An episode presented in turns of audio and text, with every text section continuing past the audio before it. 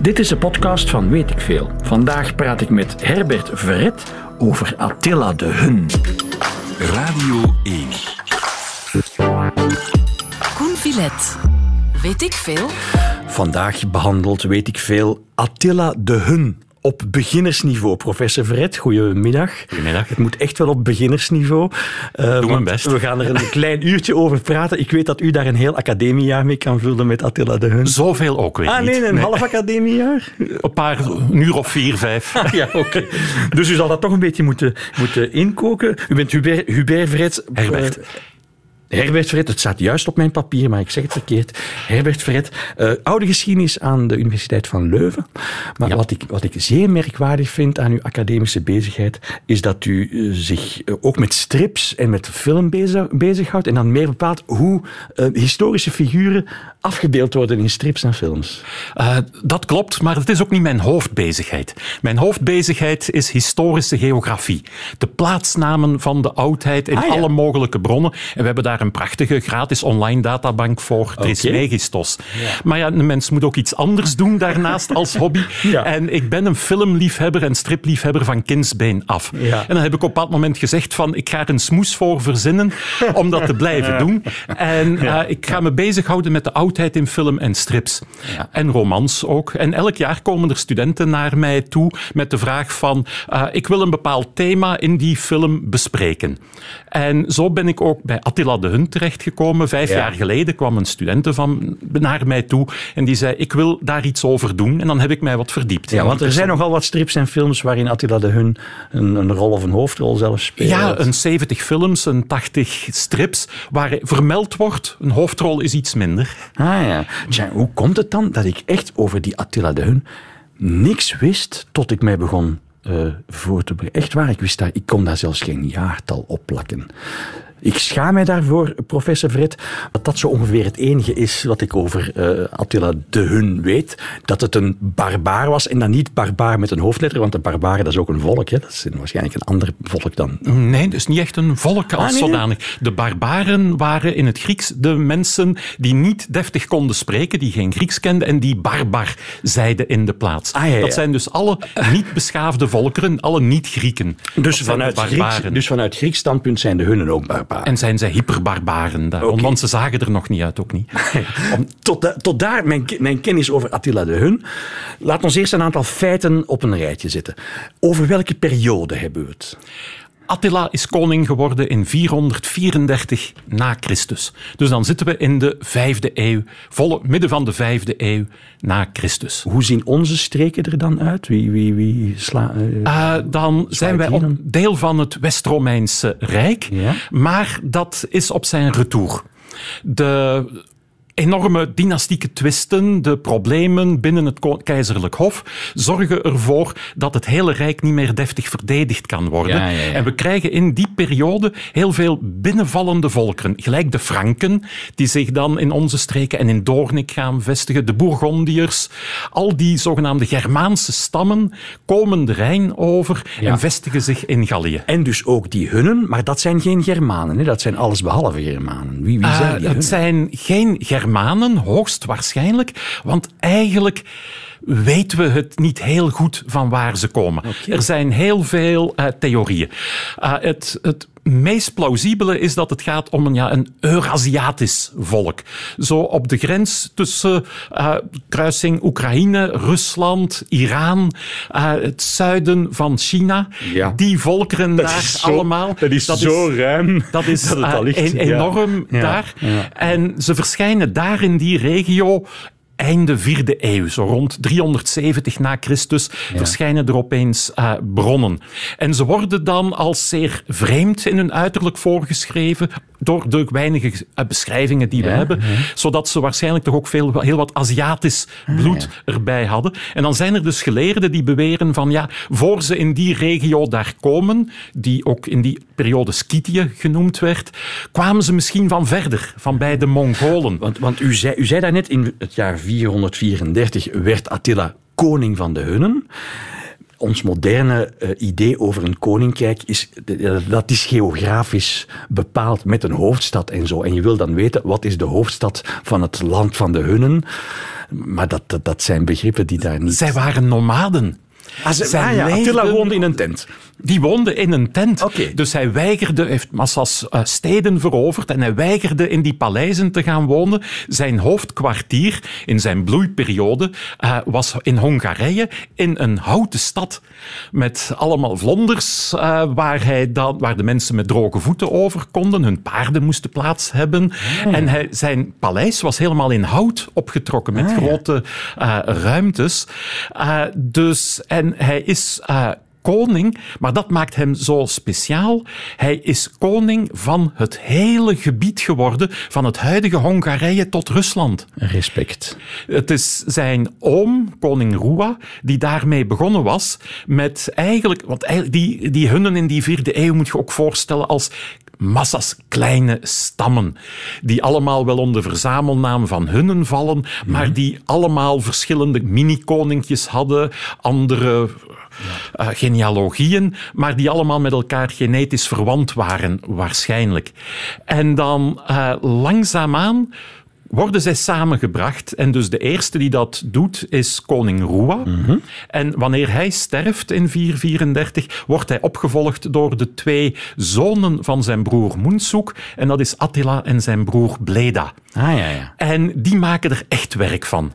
En die beginnen alles te consolideren in hun hele gebied, zodat ze eigenlijk beschouwd kunnen worden als eh, een, een rijk dat even groot is als het Romeinse Rijk. Want dat zijn heel wat kilometers van, eh, van Hongarije eh, tot aan de Iraanse grens. Dat telt door. En zij zijn de eerste die alles gecentraliseerd hebben. Eén, of aanvankelijk twee koningen die alles regelen. Twee broers, allebei koning. Twee broers, allebei en, ik- koning. En hoe heet de broer van Attila? Bleda. En die is dan gestorven, neem ik aan? Of, of, of, of- In 445. En dan was Attila- en daar hebben we dus een, een bronnenprobleem eh, rond. We hebben heel veel bronnen over Attila. Maar jammer genoeg spreken ze elkaar heel de tijd tegen. Nee, dat is niet jammer. Dat is leuk voor de academici. En dus eh, volgens sommige bronnen is Bleda gestorven in een jachtongeluk. Ja. Volgens anderen heeft Attila daarvoor gezorgd. Ja. Als eerste, maar volgens nog andere bronnen was het eigenlijk Bleda die Attila wilde vermoorden. Ja, ja, ja. En heeft, was Attila hem net voor. Ah ja, in de films en in de strips zijn het vast geen ongelukken, maar zijn het moorden. Wordt het systematisch alle mogelijke varianten van het verhaal bij betrokken. Zeg nog één dingetje, om alle verwarring eh, eh, uit te sluiten. Attila de Hun en Genghis Khan, dat zijn niet één en dezelfde. Hè? Want het verhaal dat u vertelt over eh, barbaren uit het oosten die Europa veroveren, dat doet heel hard denken aan, aan Genghis Khan. Eh, ja, maar dan 800 jaar later. Zit er zoveel... Ik, ik Ja, doe dus nu alsof kijk- ik uit de lucht val, want ik, ik heb het eh, daar straks in de voorbereiding gelezen, maar ik schrok daar wel van. Er zit bijna duizend jaar tussen Attila de Genghis. Khan is ongeveer Khan geworden rond begin 13e eeuw, rond 1200 tot 1225 ongeveer. Ik heb de data niet in mijn hoofd. Maar er is dus een reële kans dat ze, noem het, genetisch stamverwant zijn ooit. Want sommige theorieën zeggen dus dat de Hunnen afkomstig zijn uit Mongolië, ja. maar daar zit duizend jaar tussen. Ja. En hetzelfde probleem hebben we met de Hongaren. De Hongaren, Attila is voor hen een nationale held. Omdat, Oh, wacht even. Ja, inderdaad. Hungary. H-U-N. Zijn, is dat de, Ah. de hun van de hunnen? Wel, eigenlijk is het in het Hongaars Magyar. Ah, ja, dat is waar. Maar ik weet dus niet waar die hun van Hungary komt. Maar het, het zou me niet verbazen als er een, een verband is. Maar de Hongaren zijn daar binnengegaan in dat gebied rond de eind 9e, 10e eeuw voor, na Christus. Dus vijf eeuwen na Attila. Attila. Maar Attila had ook zijn hoofdkwartier in Hongarije. Ja, ja. En men gaat, sommige geleerden gaan ervan uit dat het de hunnen zijn die na de dood van Attila teruggetrokken zijn, dat die in de 9e eeuw teruggekeerd zijn en daar Hongarije gesticht hebben. Het grootste probleem is dat we geen enkel, ook maar geen woord huns bewaard hebben, voor zover ik weet. ja. We hebben alleen maar Latijnse en Griekse bronnen over de vijand en niks van de hunnen zelf, dus het blijft hypothese. Ja, dus veel wat, wat u gaat vertellen het, het volgende uur is, ja, zijn beredeneerde gokken. Of anekdoten in verschillende versies. Oké, uit wat u daarnet verteld hebt, eh, professor Vret, begrijp ik, de Hunnen zijn de vijanden van de Romeinen. De Hunnen hebben het Romeinse Rijk veroverd. Geprobeerd uiteindelijk, want het is niet gelukt. Anders zouden wij nu allemaal Huns praten en wisten wij veel meer over de Hunnen. Maar wanneer we ze in de bronnen leren kennen rond 370, dan zien we dat zij kleine stammen waren, waar de Romeinen af en toe tegen vochten. Het waren dus heel geduchte krijgers te paard. Gelijk vroeger de Skieten hadden die naam van op boogschutters te paard. Dat, die functie is eigenlijk overgenomen door eh, de Hunnen later. En die waren ook niet onoverwinnelijk. Soms wonnen ze, soms eh, werden ze verslagen door de Romeinen. En de Romeinen waren slimme jongens, die gebruikten hen in hun Romeins leger als legereenheid. Ah, de Hunnen vochten met de Romeinen mee. En dus tussen 370 en 435 hebben we een heleboel getuigenissen waarin zij een zeer actieve rol in het Romeinse leger hebben. Wanneer Ja, ja. eh, keizer Jordanes in de problemen zit in 425, vraagt hij aan zijn generaal Flavius Aetius, die we straks nog gaan tegenkomen, die als gijzelaar bij de Hunnen gewoond had, om zijn vriendjes te gaan halen, om hem te beschermen. En dan komen dus massaal Hunnen troepen, de Romeinse keizer ter hulp, maar ze komen te laat, want hij wordt vermoord voor ze er iets aan kunnen doen. Maar dat soort van oorlogsvoering in die tijd dat was zeer pragmatisch. En Heel de- pragmatisch. Ja. En al die Germaanse stammen, die een beetje vaag zijn omdat die geografisch constant verplaatsen en we weten niet waar ze etnisch van komen, de meeste daarvan hebben gediend in het Romeinse leger als eenheden. En dat is wel een van de grote problemen in het late Romeinse Rijk. Na verloop van tijd waren er alleen nog maar wat zij noemden barbaarse legereenheden. De Romeinen zelf vochten De niet autochtone mee. Romein die deed dat niet. Ja, maar wat is een autochtone Romein? Is een Gallier, is dat een autochtone Romein? Maar die mensen hielden zich met handel bezig, die waren daar tevreden. Dat waren niet meer de grote krijgsvolkeren van vroeger. Ja. En, en dat geeft dan een, een heel gemengd beeld in die vijfde eeuw. Ook de hoogste generaals waren mensen van wat dan spottend de barbaarse herkomst waren. Mensen als Stilicho, eh, de grote Romeinse leider van rond het jaar 400, was een vandaal van, van herkomst. Ja. En de hunnen passen daar perfect in dat plaatje, totdat dan Attila verschijnt. Want hij zegt van, ja, eigenlijk, wij vechten nu al zo lang met die mensen. Wij kennen hun technieken door en door. En op dat moment zijn er een aantal zeer zwakke keizers. Theodosius I, de grote, 395 sterft hij en het rijk wordt gesplitst in Oost en West. Het Romeinse Rijk, daar valt in Het Romeinse Rijk. En dat was niet de bedoeling dat dat zou blijven, dat was puur pragmatisch. Dat was vroeger nog gebeurd. En de koning Oost en West waren ook familieleden, Mhm. vaak. Dus dat was één grote familie die samen de Mhm. verantwoordelijkheden eh, deelde. Maar dan kwam koning Theodosius op de troon, een jongetje van een jaar of acht, die stelde niet veel voor. Het was zijn zus die eigenlijk de macht had, de eunuchen aan dat hof. En hij liet zich veel te te veel beïnvloeden volgens zijn tegenstanders door die zwakke figuren. En eh, Attila profiteert daarvan.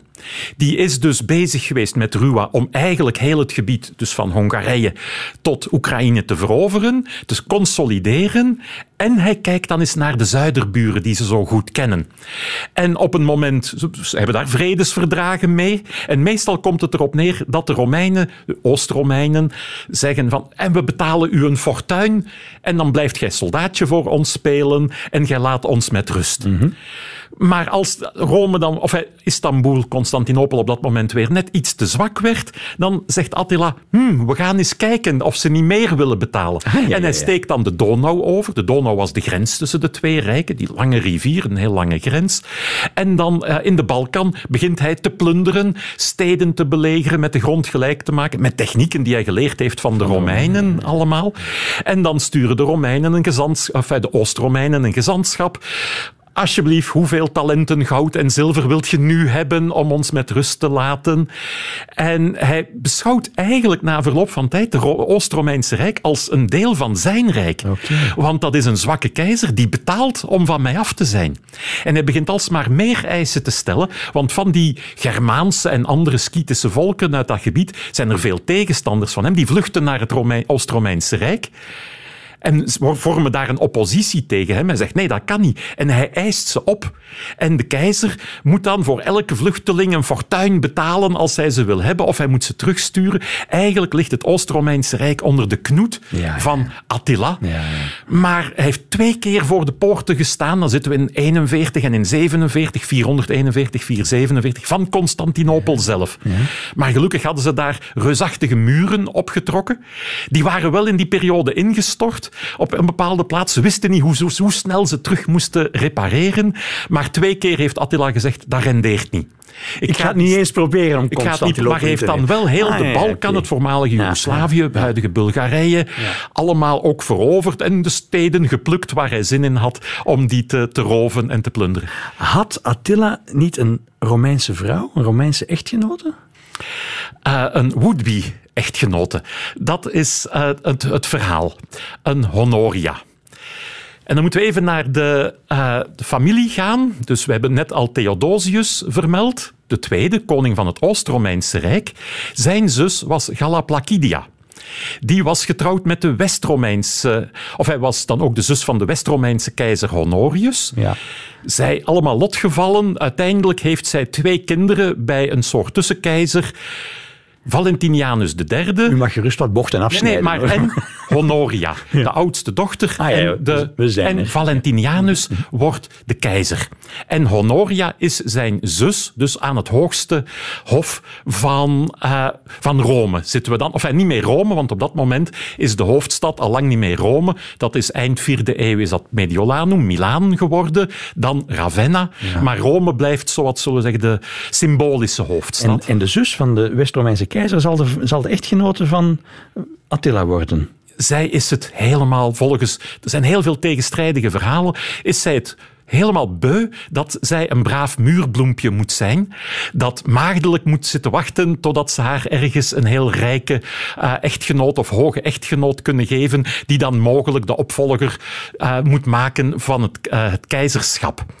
En volgens de verhalen had zij wel vuur in haar lijf en is zij een relatie begonnen met haar, ja, haar procurator, degene die zorgt voor haar eigendommen. Zij had ook privé-eigendommen, een zekere man Eugenius, en ze is daarmee in bed gedoken. Tegen de zin van haar broer in Maar ja, dat mocht niet. Zij moest maagdelijk blijven, een, een symboolfunctie voor het hele Romeinse Ja, eh, Rijk. En ze wordt dan volgens één bron ook nog zwanger daarvan. Dat gebeurt als je vreemd gaat, Mhm. natuurlijk. Maar in ieder geval een supergroot schandaal in... eh, in Rome, of in Ravenna, in het Rome- West-Romeinse Rijk. Eh, en wat moeten we ermee gaan doen? Volgens sommige bronnen zeggen ze van ze is gestuurd naar Constantinopel om daar gestraft te worden door haar strengere eh, nonkel die daar zit. Maar eh, we hebben een, een prachtige eh, bron van iemand die de hele geschiedenis van Constantinopel en van Attila van dichtbij beschreven heeft. Priscus van Panion, een stadje in de buurt van eh, Constantinopel. En die zegt daar niks over. over. Dus waarschijnlijk is zij niet naar daar gegaan. Maar eh, een andere bron zegt ze is moeten trouwen met een heel brave, rijke senator, een zekere Herculanus, een oudere man, die iets daarna ook consul wordt. Dus echt de upper high society van Ravenna. Eh, maar eh, dat was eigenlijk een straf, want zij moest gekalmeerd worden en hij vond het niet erg dat hij een bezoedelde vrouw tot bij zich moest nemen. De dochter van de keizer, de zus van de keizer, daar doet je al eh, wat moeite voor. En in die fase, het is niet goed geweten wanneer juist, is zij dat beu dat zij gestraft is en moet trouwen en stuurde zij een brief naar Attila. Attila, beste jong, ik word hier gekoeieneerd van voor tot achter. Eh, kom mij redden. Ik wil hier weg. En ze, en ze doet haar, haar zegelring erbij als bewijs. En ze stuurt een van haar eunuchen eh, naar Attila Ja? met de vraag van kom mij redden. En Attila zegt van wauw. Prachtig. Want als ik trouw met de zus van de keizer, dan heb ik door dat huwelijk recht op de helft van het West-Romeinse keizerrijk. Ja, ja, dat is toch logisch? Ja, ja, ja, ja. En hij zegt, we gaan dus eens kijken. We laten ondertussen het Oost-Romeinse Rijk voor wat het is. Mhm. Die betalen belastingen, dat is voor het moment genoeg. En ik ga eens kijken hoe het in het Westen zit.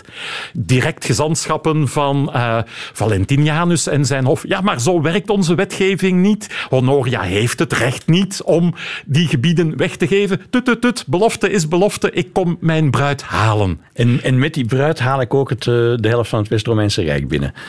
Inderdaad, dat was zijn uh, bedoeling. En dat is dan het grote conflict uh, geworden van het Westen, waarin dat we eigenlijk het beste uh, kennen. Waarin die Honoria dus eigenlijk een sleutelrol heeft gespeeld.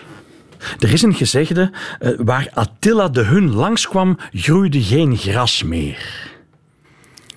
Uh, ja, dat... Ik weet niet wie ik nu geciteerd heb. Ik maar ook dat... niet. Ja, nee. maar het is wel zoiets, hè, van Attila de Hun. Uh, ja en nee. Het heeft iets te maken met het probleem met de aantallen. Hoeveel hunnen waren er? Is dat een retorische vraag of weet u het? Nee, uh, volgens de antieke bronnen weten we bijvoorbeeld dat hij voor hij Gallië binnengevallen is, wanneer hij dus het West-Romeinse Rijk komt als bruidschat opeisen, Ja. zegt één bron 300.000 hunnen. Ja. Een andere bron zegt 165.000 hunnen. En als we logistiek kijken, kan dat niet veel meer geweest zijn dan 30.000. 30.000 Een paar tienduizenden hunnen. En, en dat is dan het hele volk? Of zijn het alleen de, Dat zijn de krijgers. De krijgers, ah ja, De krijgers 30.000 als zodanig. krijgers, ja. Maar als 30.000 paarden ergens passeren op een paar Dan dagen, groeit er geen gras groeit daar ook geen gras Ja. meer. Maar dus met die 30.000, laat- of 150.000 of 300.000, we weten het niet, maar laten we ons niet die 30.000 te nemen, nemen. Heeft onze vriend Attila de Hun het West-Romeinse Rijk proberen te veroveren? Ja. Aanvankelijk met enig succes, want heeft hij niet tot, tot in onze streken, tot, in, tot waar is hij geweest? Hoe ver is hij geraakt? Uh, hij is geraakt tot in het noorden van Frankrijk. Hij heeft dus Metz ingenomen, heeft Orléans belegerd. En we hebben een aantal middeleeuwse verhalen uit steden in die buurt waarin hij ook zou geweest zijn. Maar dat zijn middeleeuwse legenden van lokale heiligen die dingen gedaan zouden hebben. En zeker in twee gevallen, van Tongeren en van Parijs, is er heel veel discussie of het wel echt gebeurd is. En het verhaal van Tongeren is daar uh, heel mooi van. Het gaat om bisschop Sint Servatius. De bisschop van Tongeren. Probleem, die is gestorven in 384. Volle vierde eeuw. En in het verhaal wordt die gekoppeld aan Attila. Volle vijfde eeuw. Die moest nog geboren worden. In, Daar in is dus in ieder geval al een probleem. Ja. Wat is het verhaal? Uh, Sint Servatius is terechtgekomen in Tongeren, uh, werd daar bisschop, maar de mensen van Tongeren wilden hem niet hebben. Het was de kerstening, klaarblijkelijk wilden Ah, ze ja. hem niet of wilden ze niet christen worden. Het verhaal komt van Hendrik van de Velde. Van de Velde uit de 1170, dus de grote vroeg-Duitse, Nederlandse uh, dichter die die legende beschrijft. En de, de Tongenaren verjagen hun bisschop. Verjagen en die gaat naar Maastricht, Mhm. waar dus sindsdien een bisdom is. Hij is daar de eerste bisschop Ja. Mhm. geweest. In die fase moet hij in contact zijn gekomen met Attila. Volgens de legende. Volgens de dus legende. En heeft kloppen. hij zelfs Attila gedoopt. ja. Christen gemaakt. De, hunnen zijn nooit christenen geweest. Ja. En, eh, en hij verneemt daar dat God Attila de opdracht geeft om de mensen van Tongeren te straffen, omdat zij hun bisschop hebben verjaagd. Ja. En uh, Sint Servatius vindt dat toch maar niks van ja, die brave mensen. Oké, ze hebben mij wel buiten gesmeten, maar ik moet er iets aan doen. En hij gaat op pelgrimstocht naar Rome, waar hij bidt op het graf van Sint Pieter van help mij. En in een droom verschijnt Petrus aan hem en hij zegt ik kan niks doen. God heeft bepaald, de mensen van Tongeren moeten gestraft worden, maar ik geef hier, u hier een zilveren sleutel. Ja. En met die zilveren sleutel kunt gij hen uh, vergeving schenken. Ja. En mogen ze naar de hemel gaan. En Ah ja, Attila. ze worden doodgeslagen door Attila, maar recht naar de hemel. En ze gaan daarna recht naar de hemel. ja, ja. Moeten we dat geloven of niet? Nee. ja. Een parallel verhaal is het beroemde verhaal van Saint Geneviève in Parijs. Parijs, Genoveva, een jonge, zeer christelijke dame. De hunnen komen eraan, iedereen in volle paniek en ze willen wegvluchten.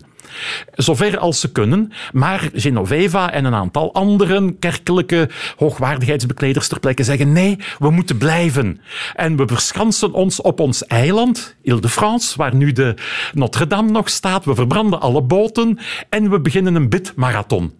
Ah ja, en dat heeft En gewerkt. Attila komt aan, hij raakt daar niet en hij vertrekt verder richting Orléans of wat. Want het probleem is, met Orléans en de uiteindelijke veldslag, Parijs ligt niet op de richting. Ah ja, dus dat kan ook niet kloppen. Om andere Ja, redenen. misschien dat wel. En Ja. soms zegt men dan, ja, het zijn afdelingen van de hunnen. Omdat je met 30.000 man bevoorradingstechnisch een probleem hebt, kun je niet allemaal Ja. samengaan. Ja. En hadden ze verschillende routes. Maar het interessante aan die twee verhalen die je vertelt, is dat dat dus eh, duidelijk niet kan kloppen, maar dat het wel middeleeuwse verhalen zijn die gebruikt werden in ja, de christelijke ja, heel hard. mythologie, zou ik nu bijna zeggen. En het zijn bijna de christenen die Attila hebben tegengehouden in de beeldvorming. In de beeldvorming. Want daar komen we eh, ook zelfs nog op terug, hoe paus Leo de Eerste, de Grote, eigenlijk Attila teruggestuurd heeft naar zijn land om te voorkomen dat Italië veroverd is geworden. Ja. En dus al die christelijke helden en heiligen, later heiligen, die vormen zo, het zijn de christenen die het grote barbaarse gevaar hebben afge, afgehouden. ja, ja, en Attila was de geesel gods. Ja. Zo wordt hij in diverse talen genoemd. Maar waarschijnlijk, eh, be- eigenlijk betekent dat dat hij de straf voor God uitvoert. Dat hij een instrument was in de handen van God. En dat past in Ja. verhalen gelijk dat van Sint Servatius. En het, is dus, het komt pas in de middeleeuwen voor. En ik heb wat zitten rondzoeken en een collega van mij wees erop dat een humanist uit de 15e eeuw, een zekere Filelfo, zegt de naam Geesel Gods komt eigenlijk niet bij Attila, maar bij Totila voor. En ik kende hem ook niet. En dat is een koning van de Goten uit de 6e eeuw die Italië bevrijdt. In opdracht van de kerk. Ja. En hij is echt de geestel gods die de invallers daar buiten zet. Ja, ja. En daar moet een verwarring zijn ontstaan daartussen. En het, het beeld dat wij van Attila de Hun hebben, van een gruwelijke, vredaardige eh, barbaar, dat, dat, dat heeft te maken met die christelijke verhalen. Met die Voor een groot stuk. Hij was barbaars, maar niet meer dan alle andere legers. Professor Fred, bestaat er een, een, een tekening of een afbeelding van Attila de Hun? Hoe zag die eruit? Geen enkele.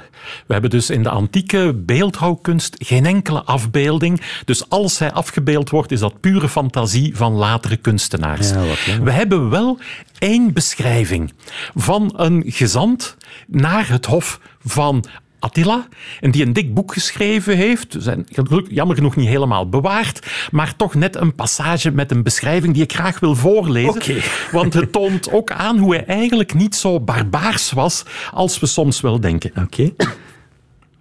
Dit was de verblijfplaats van Attila, de koning die heerste over de hele barbaarse wereld. Hij was een man in de wereld geboren om naties te vernietigen.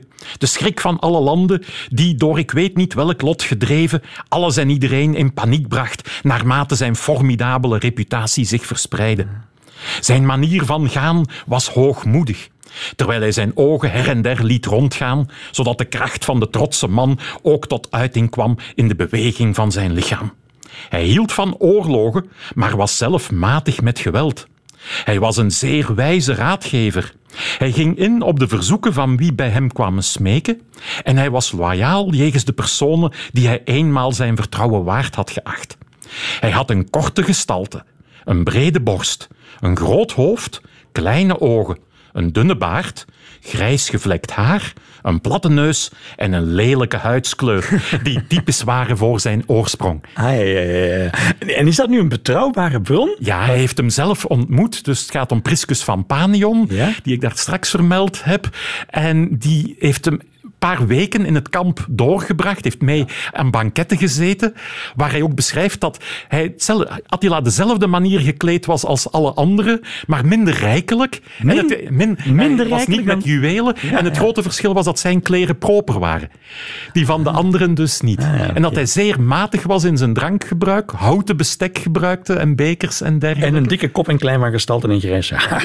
Nee, maar dat wijst dus op een Aziatische oorsprong ergens. Eh, Maar meer dan dit hebben we niet. Oké, maar dit is dus een betrouwbare beschrijving. Dat staat een beetje haaks op, op, op een van uw studiegebieden, namelijk hoe wordt Attila de Hun eh, afgebeeld en beschreven in fictie, in films, in strips. Opera, hoort dat, hoort dat daar ook bij? Want ik heb een stukje opera Ja, zeker. heb een Dus klein eh, stukje... eh, Giuseppe Verdi, want er is het Inderdaad. 1846 heeft of zo, een zijn opera Attila. geschreven. Ja. Dit is een klein stukje daaruit. Weet ik veel.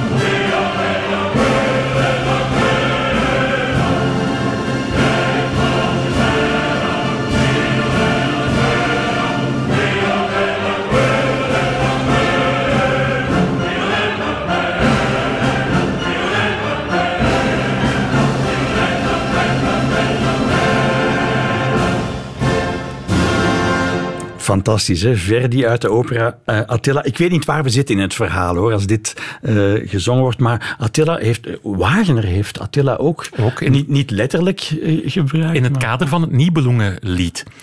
En daarvoor moeten we een stapje teruggaan naar de bronnen. Ildiko is de laatste echtgenote van Attila. Na die, die mevrouw van daarnet, wie was het daar? Ja, want hij is nooit getrouwd met Honoria. Ze Honoria. elkaar in de films wel, maar in werkelijkheid hebben ze elkaar nooit gezien. Ja, maar wat was trouwen in... Maar nee, hij was polygaam. Was als, en dit was een zeer mooie dame met wie hij trouwt. Groot feest. Hij drinkt toch meer dan hij normaal is. Gaat op zijn rug liggen terwijl in zijn slaap. En hij sterft aan een bloeding. Tijdens de huwelijksnacht? Tijdens de huwelijksnacht.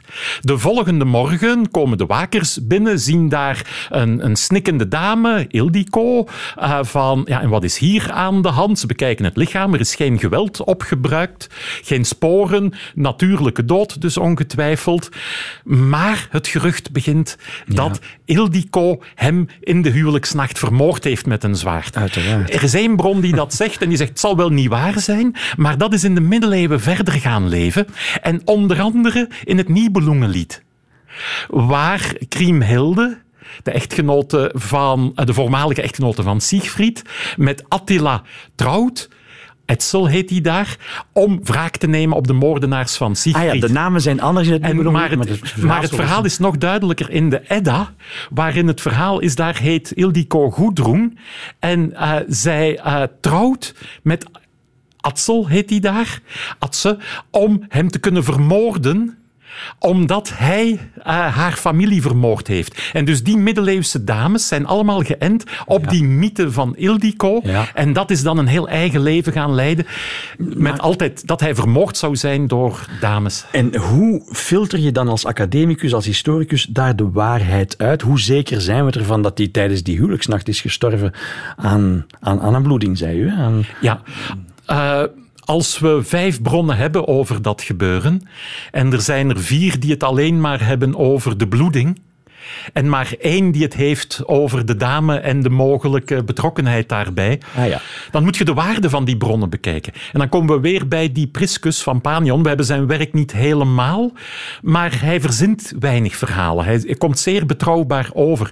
En als hij het niet vermeldt, dan kunnen we er eigenlijk van uitgaan dat het ook niet gebeurd is. Maar 100% zeker Nee. zijn we nooit in de geschiedenis. En die Priscus van Pania, u heeft het al een paar keer gezegd, eigenlijk is dat de enige echt betrouwbare bron. Ja, de enige echte. En die is dan later gekopieerd geweest in vier, vijf andere leeftijdsgenoten, vijfde, zesde eeuw. En die verhalen, licht aangepast, zijn dan in de verdere kronieken allemaal terechtgekomen. Eh, professor Verret, dus eh, onze vriend Attila is dood. Wat gebeurde er met het, het, het, het Hunse Rijk na zijn dood? Hij had drie wettelijke zonen eh, die het Rijk samen, aanvankelijk samen bestuurden, maar binnen de kortste keren ruzie begonnen te krijgen. De volkeren van dat grote gebied kwamen in opstand. Ze konden niet meer de baas. En binnen de kortste keren desintegreert het. Het- ja. Ze worden niet verslagen. We zien hen in de bronnen af en toe opduiken de volgende eeuwen. Maar eh, ze, hun, Het is in, in, West in Oost- en West-Europa verdwijnen ze en ze gaan dan terug naar Oekraïne. Dan kunnen we beginnen aan de quiz of het examen. het is al een beetje afhankelijk van hoe ernstig ik het, eh, het neem. Laat ons, laat ons het maar een examen noemen. Waarom hadden de Hunnen geen hoofdstad? Omdat het eh, nomaden zijn, omdat ze in eh, tenten of in, in houten constructies was het, woonden. Juist. Tweede vraag. Van waar tot waar strekte het rijk van Attila zich uit? Moderne landen. Stond dat in de cursus, professor? ik, ik weet het niet. Ik zou zeggen, heel Europa, van, van aan de Oeral tot... eh Metz heeft u genoemd, hè? Dat zal wel de meest... Dat is niet van zijn rijk geworden. Ah nee, dat, ik, ik weet het niet. Zegt u het maar. Van Hongarije tot aan de Iraanse grens. ah, tot ja. Oekraïne, Rusland. ja, dat, Nee, dus. dat beter moet opletten. Attila stak de grens tussen... Of met het Romein, Oost-Romeinse Rijk over. Ja. Wat was die grens? De, dat, was de, dat was de Donau. Juist. Waarom wilde Attila trouwen met Honoria, de zus van de keizer van het West-Romeinse Rijk? Ah, maar omdat het de zus van de keizer van het West-Romeinse Rijk was, me dunkt, en hij dacht dat hij het eh, Rijk daarmee cadeau zou krijgen als een soort van bruidschat. Juist.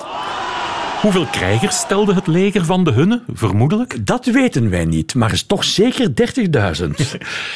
Prima gedaan. Heb ik nu vier goede antwoorden? Vier of vijf, Vier of ja. vijf. Ik, ik ben daar zelf... Dat is een, een mooie grote Ja, ja, onderscheiding. ja. Radio 1. Weet ik veel? Dit was een podcast van Weet ik Veel. We hebben er een hele reeks. En in de zomervakantie kan je Weet ik Veel op Radio 1 beluisteren. Elke weekdag tussen 12 en 1.